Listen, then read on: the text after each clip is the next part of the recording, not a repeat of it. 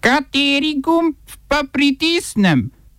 Tisti, na katerem piše OF. Kateri gumb pa pritisnem? Tisti, na katerem piše OF.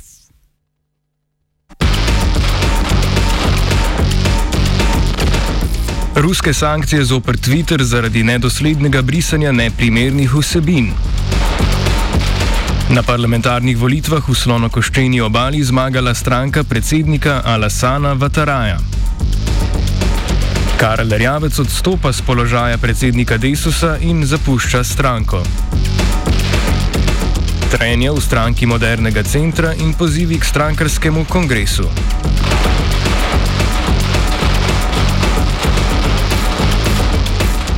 Ruski telekomunikacijski regulator Roskomnadzor je sporočil, da bo Rusija zaradi kršenja zakonodaje upočasnila delovanje Twitterja. Ruske oblasti so Twitter obtožile nepravočasnega in nedoslednega brisanja neprimernih ali politično spornih vsebin.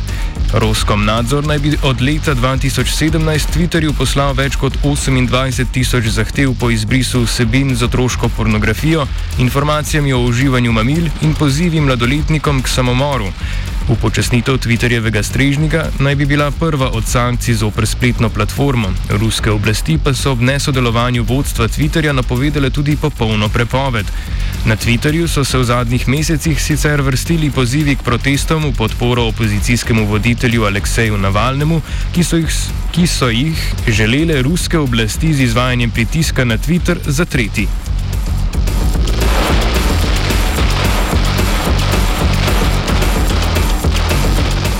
Na volitvah v slonokoščeni obali je z veliko večino zmagala stranka Gibanje republikancev predsednika Alasana Vataraja.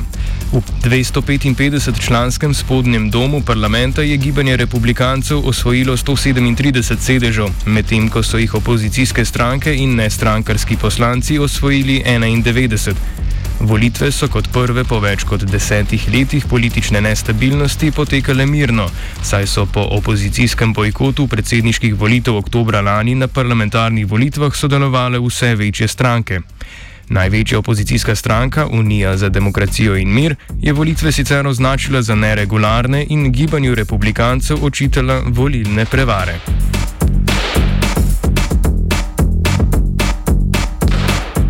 Nepalsko vrhovno sodišče je odločilo, da ime Nepalske komunistične partije ni skladno z zakonodajo, saj je ime že uporabljala druga stranka v nepalskem volilnem registru. Nepalska komunistična partija, iz katere prihaja tudi sedanji predsednik vlade Kadga Prasad Sharma Oli, je nastala po združitvi Olijeve komunistične partije in stranke Maoističnega centra. Odločitev vrhovnega sodišča naj bi zamajala enotnost stranke, potem ko je premije Oli nekatere člane stranke že decembra obtožil nekooperativnosti.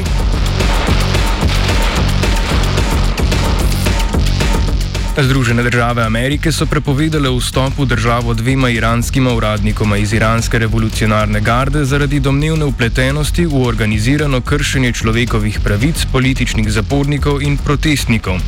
Ameriško zunanje ministrstvo je Alija Hematjana in Masuda Savdarja obtožilo izkoriščanja pooblastil in mučenja pridržanih v protestih v letih 2019 in 2020. Odnose med ZDA in Iranom bremeni tudi jedrski sporazum, saj iranske oblasti nadaljevanje pogajanj pogojujejo s preklicem sankcij, s čimer pa vrh ameriške politike odlaša. Prepoved vstopa v ZDA omenjenima uradnikoma je prva sankcija zoper Iran v mandatu administracije januarja inauguriranega Joea Bidna.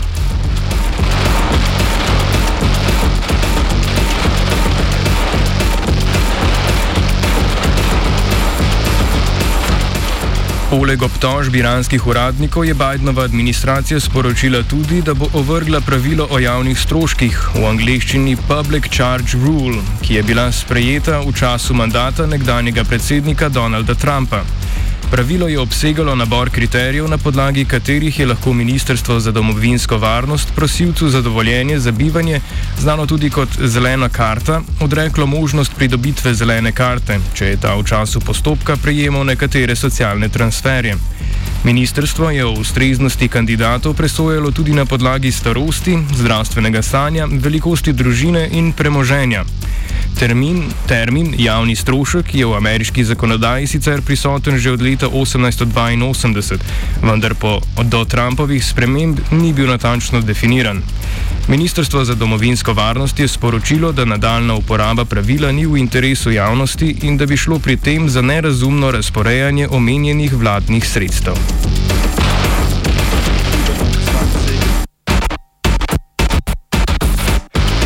Ameriško toživstvo je honduraškega predsednika Juana Orlanda Hernandeza obtožilo sodelovanja pri tihotapljenju kokaina v Združene države Amerike. Obtožbe zoper Hernandeza so, sicer, so se sicer pojavile obsojenju tihotapcu drog Giovanniju Fuentesu, ki naj bi honduraškemu predsedniku plačal podkupnino v vrednosti nekaj več kot 20 tisoč evrov v zameno za zaščito.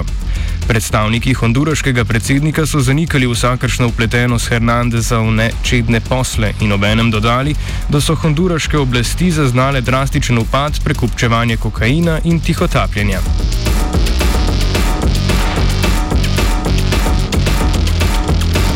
Novica onkraj luže še ni konec. Asa Hutchinson, republikanski guverner Zvezdne države Arkansas, je odpisal, podpisal predlog zakona, ki v tej zvezdni državi praktično popolnoma prepoveduje izvajanje splava. Predlog zakona dovoljuje splav le, če je ogroženo zdravje matere, medtem ko možnosti splava po posilstvu ne predvideva. Hutchinson je uveljavitev predloga zakona označil za znak dolgoletnega truda na področju boja proti abortusu. Arkansas je sicer ena od 14 zvezdnih držav v ZDA, kjer so zakonodajalci poskušali omejiti pravico do splava. Oba, če, če bom odgovoril na angliški. Slovenija will try to help. We can Slovenija will and we will do our utmost To say that the situation is our problem ourselves. and uh, We will make further steps as soon as the conditions are bomo vlado Marjana Cererja, Mira, Marjana Cererja Šarca podprli. uh, very, very serious. we know how and we will.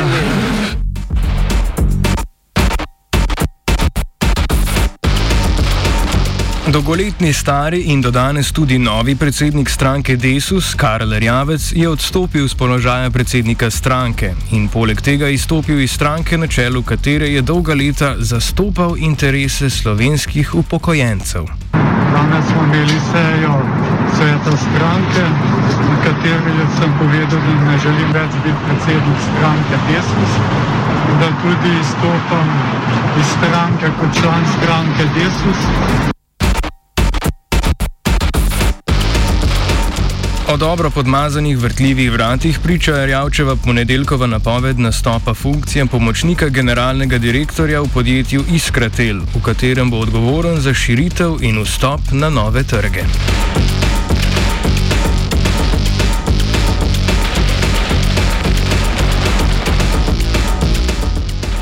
Ne trese se zgolj desus. Ali se poenotimo in gremo skupaj naprej, ali pa se preštejemo in gremo na volilni kongres stranke. S temi modrimi besedami je predsednik koalicijske stranke Modernega centra Zdravko Počivalšek pospremil dogajanje na izvršnem odboru stranke prejšnji teden. Počivalšek naj bi poskušal doseči menjavo vodje poslanske skupine SMC, ki jo trenutno vodi Janja Sluga. Ta sicer sodi med poslance, ki so bolj kritični do potez aktualne vlade. Po poskusu menjave vodje poslanske skupine, ki je spodletel zaradi nezadostne podpore med poslanci stranke, so se iz lokalnih odborov stranke Modernega centra vrstili pozivi k strankarskemu kongresu.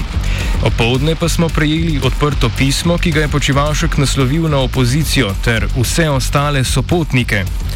Trenje v stranki, ki mnogi očitajo izgubo etične drže ter oportunizem, je povzel z besedami, citiramo, Ne slepim se, da bo to lah lahka pot in da bo tekla brez zapletov. A treba se je vedno znova vračati za isto mizo in se truditi iskati pogovor. Bolje je sto let živeti v gospodarstvu kot sedem dni v javni upravi.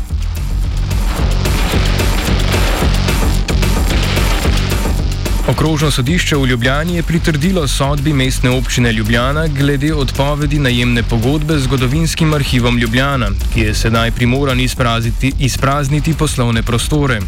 Mestna občina Ljubljana je najemno pogodbo za nedoločen čas sodno prekinila aprila 2019, ker naj bi to nalagal zakon o poslovnih stavbah in poslovnih prostorih. V arhivu so opozarjali na neustreznost morebitnih novih prostorov. Župan mestne občine Ljubljana je namreč kot možnost za selitev omenjal Kvedrovo ulico ali Roško cesto, ter se ob tem obregnil ob dolžnost države, da arhivu priskrbi prostore. Sodba še ni pravnomočna, obeh strani pa imata čas za pritožbo do konca meseca.